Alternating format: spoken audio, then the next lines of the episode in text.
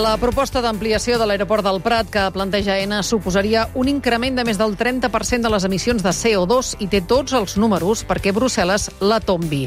Aquesta és la conclusió d'un informe de l'Agència Barcelona Regional encarregat per l'Ajuntament i que aposta per altres alternatives d'ampliació, Laia Ortega.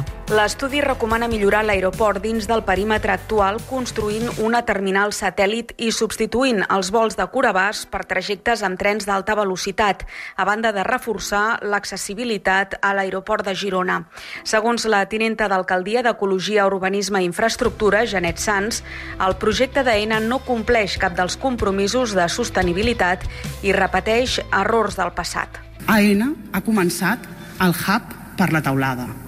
Primer ampliem i destrossem un ecosistema de biodiversitat excel·lent, exemplar del nostre territori i després ja veurem què fem, com el compensem, perquè el que sabem amb la proposta que s'ha posat sobre la taula és que la, la Ricarda desapareix.